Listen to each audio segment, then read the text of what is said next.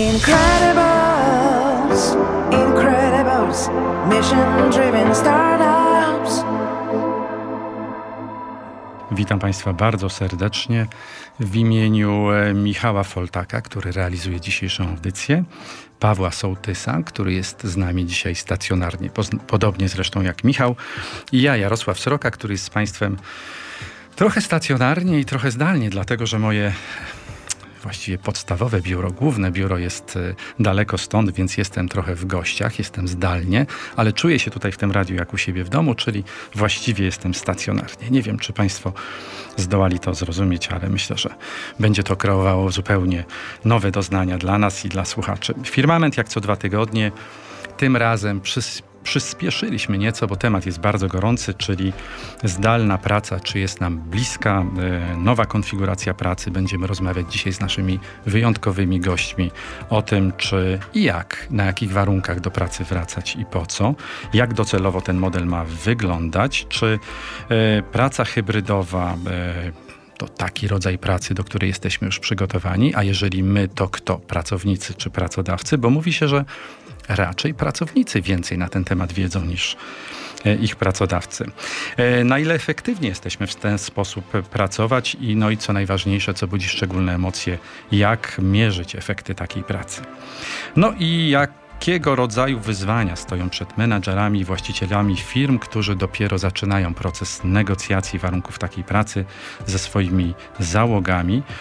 I te wszystkie założenia, tutaj patrzę w stronę naszego gościa, który tworzył taką przyjemną, przyjazną przestrzeń dla pracy różnych firm, czy nie wzięły przypadkiem w łeb, bo ludzie się rozproszyli i pod wspólny dach po prostu już nie chcą wracać. Grażyna Rzechak, ekspert z zakresu zarządzania kadrami, członkini wielu rad nadzorczych, InPost. Grażyna, dzień dobry, czy się słyszymy?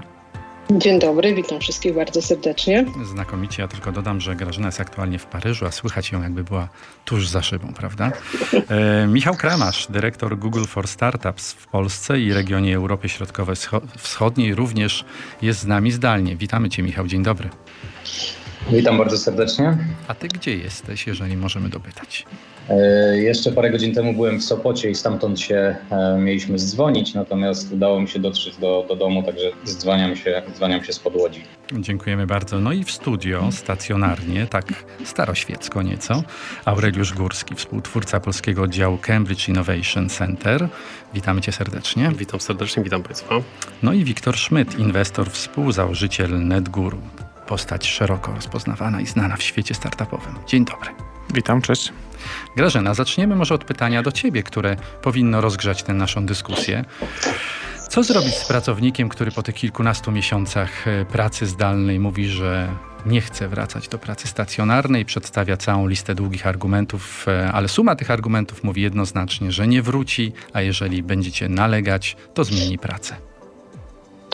No to jak mamy zacząć z przytupem, to bym powiedziała, jeśli nie wróci, nie chce wrócić, chce zmienić pracę, to jak to, jak to się mówi, droga wolna, bo niestety um, coraz częściej będziemy się spotykać z takimi sytuacjami i z naszej strony naszym obowiązkiem jest też przedstawić ogromną listę argumentów, powiedzieć dlaczego dla nas, dla danego pracodawcy ważne jest, żebyśmy wrócili do biura e, i poprowadzić ten dialog i tą konwersację, żeby przekonać takiego pracownika. Oczywiście też pewnie stworzyć pewny model nazywamy go hybrydowym, który będzie pozwalał na trochę pracę zdalną na, i na pracę z biura. Natomiast musimy być zarówno przygotowani technologicznie, e, pod kątem ludzkim, procesowym e, i narzędziowym, żeby faktycznie pokazać, dlaczego warto wrócić do biura.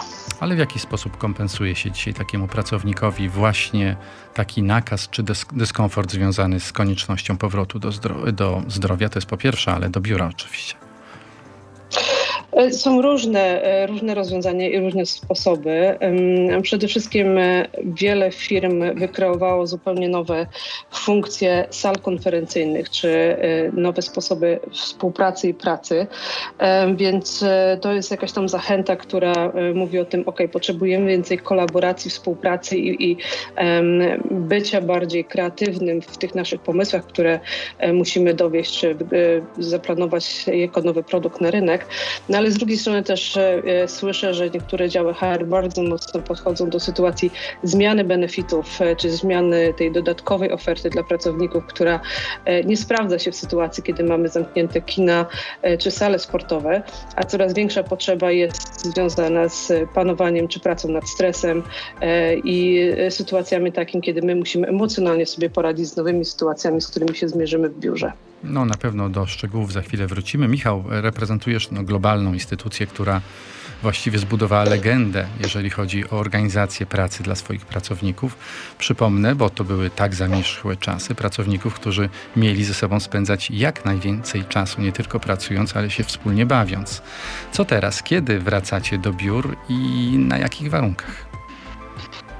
No tego, kiedy wracamy do biur, właściwie nie jesteśmy w stanie e, dokładnie podać, natomiast to, co, to, co mm, zaplanowaliśmy jako, jako firma, to jest e, to, co Google wprowadziło, to jest model pracy hybrydowej, czyli e, taki tydzień 3 plus 2, czyli 3 dni, 3 dni pracy z biura, 2 dni pracy z domu.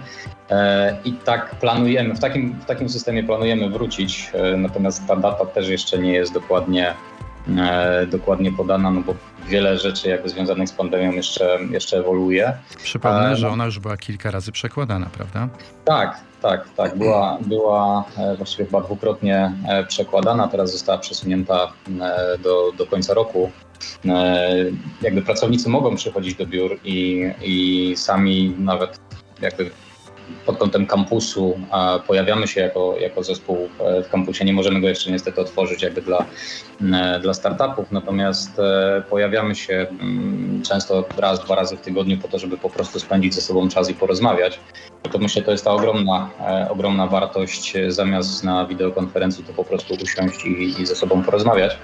Natomiast e, jeśli chodzi o, o, ogólne podejście do, e, do pracy zdalnej, no to Google będąc globalną organizacją od, od wielu lat jakby posiada narzędzia, które, które pozwalały pozwalały na dzielenie tej pracy pomiędzy biurem a domem, natomiast no teraz ten, ten model ewidentnie ewidentnie idzie w kierunku takiego dopasowania się jeszcze bardziej do pracownika. Tak? A jakie e, sygnały płyną właśnie, Michał, od pracowników? Bo pewnie te głosy zbieracie. Nie wierzę, że taka organizacja jak wy tych sygnałów nie zbiera i nie w jakiś sposób nie przetwarza. Czyli jak chcieliby wasi pracownicy docelowo pracować?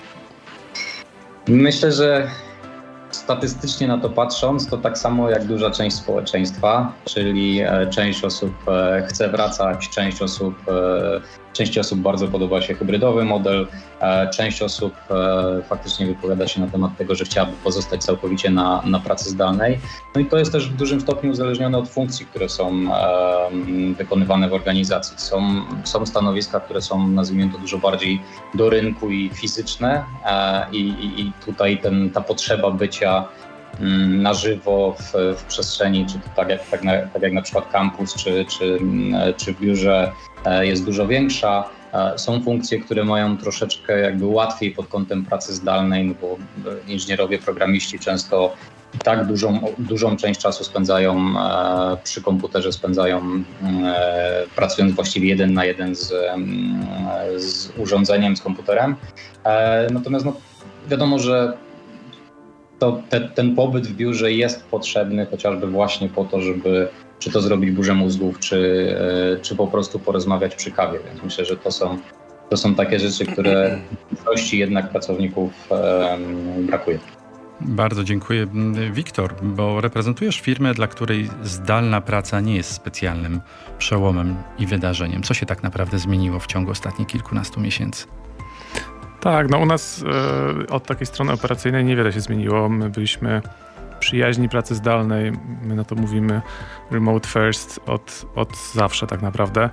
I to, co się zmieniło, to jest jakaś proporcja czy procent ludzi, który z tych, z tych możliwości korzysta. Myśmy nigdy nie, e, nie wymagali od ludzi bycia w biurze w jakichś proporcjach, o których e, rozmawialiśmy przed chwilą. E, natomiast no, na pewno jest tak, że trzeba sobie powiedzieć, że żyjemy w jakiejś, my w naszej, w naszej branży sobie żyjemy w pewnej bańce, bo E, poza jakimiś pewnie kilkoma e, stanowiskami w firmie, no nie ma takiej absolutnie potrzeby fizycznie, żeby w biurze być, bo efekty naszej pracy to jest, e, to jest software i tak naprawdę nie ma znaczenia, czy piszemy ten software z, z biura, czy z domu, czy z, z jakiejś wakacji, czy, czy workation, jak niektórzy e, to nazywają też, między innymi u nas. Więc, więc jest to jakaś bańka. No, nie wyobrażam sobie, żeby być zdalną pielęgniarką, kierowcą, czy, czy i pewnie dziesiątkami innych zawodów. Także my nie planujemy wdrażania tego typu rzeczy, bo, bo nigdy ich wcześniej u nas nie było e, i nie planujemy wracać do, czegoś, czego u nas nigdy nie było. Także my jesteśmy zdalni w naszym DNA. Bardzo dziękuję. Za chwilę będziemy kontynuować naszą dyskusję. Posłuchajmy, co na ten temat ma do powiedzenia nasz hybrydowy profesor Rafał Mrówka, czyli Mrówka wykłada Szkoła Główna Handlowa. 54% pracowników ankietowanych na całym świecie przez EY wiosną 2021 roku zadeklarowało, że rozważy odejście z pracy, jeśli nie zostanie zapewniona im możliwość elastycznej pracy w zakresie tego, gdzie i kiedy pracują. Według wyników tego badania, średnio rzecz biorąc, po zakończeniu pandemii pracownicy chcieliby pracować w domu przynajmniej 2-3 dni. Natomiast y, czasami wręcz w wielu przypadkach oczekują skrócenia tygodnia pracy. Z drugiej strony są badania przeprowadzone chociażby przez Manpower Group, które pokazują, że aż 88% pracodawców chciałoby, aby pracownicy codziennie pojawiali się w biurze. Oba te badania pokazują totalne niezrozumienie pomiędzy tymi dwoma e, grupami. Przecież niestety dla pracodawców to pracownicy mają tę silniejszą pozycję. Na rynku od lat panuje deficyt talentów, e, deficyt e, rzeczywiście zaangażowanych, oddanych e, pracowników. Stąd jeżeli pracodawcy nie zapewnią pracownikom jakiegoś modelu hybrydowości, stracą najcenniejszych pracowników. Z drugiej strony wszakże ta obawa pracodawców co do pracy zdalnej wynika przede wszystkim z tego, że nie potrafią zaangażować pracowników w pracę. I tutaj właśnie kluczowe jest to słowo zaangażować. I ta różnica pomiędzy zaangażowaniem rozumianym jako motywacja wewnętrzna, a motywowaniem rozumianym jako motywowanie przy pomocy różnego rodzaju bodźców, takich jak wynagrodzenia, podwyżki, premie, pakiety socjalne. I wiążące się potem z tym nadzorowanie, czy osiągane są odpowiednie wyniki. Zaangażowany pracownik nie potrzebuje tych bodźców. Albo te bodźce są tylko i wyłącznie dopełnieniem jego, jego traktowania. Zaangażowany pracownik to jest pracownik, który utożsamia się z celami firmy, który się samorealizuje wykonując swoją pracę, który wierzy w znaczenie tej pracy, pracy, która jest zgodna z jego systemem wartości. Jeżeli takiego pracownika będziemy mieli, nie będziemy musieli go nadzorować. Może więc wykonywać wtedy pracę zdalnie. Kluczowe jest w takiej sytuacji stworzenie więc warunków do tego, żeby wyzwolić zaangażowanie pracowników.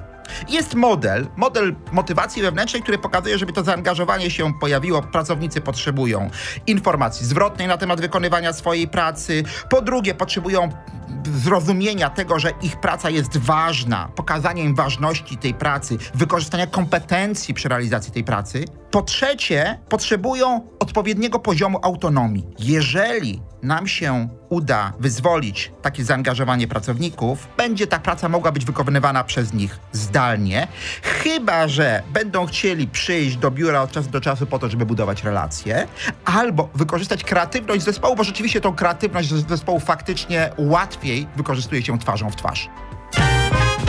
Firmament. Szanowni Państwo, dobrnęliśmy do końca. Przypominam, że mm, znajdziecie Państwo naszą audycję również w zakładce Twoje 357, a skróconą wersję również na YouTubie w zakładce Incredibles Firmament. Kolejne spotkanie już za tydzień e, będzie a tu wydawca nawet mówi, że, że za trzy tygodnie. Tak się przyzwyczaiłem do tych cotygodniowych cykli, że trudno będzie się odspawać od tego krzesła. Słyszymy się za trzy tygodnie i porozmawiamy o sukcesji w imieniu Andrzeja Rutkę, Michała Foltaka, Pawła Sołtysa oraz własnym. Bardzo dziękuję. Do widzenia. Incredibles, Incredibles.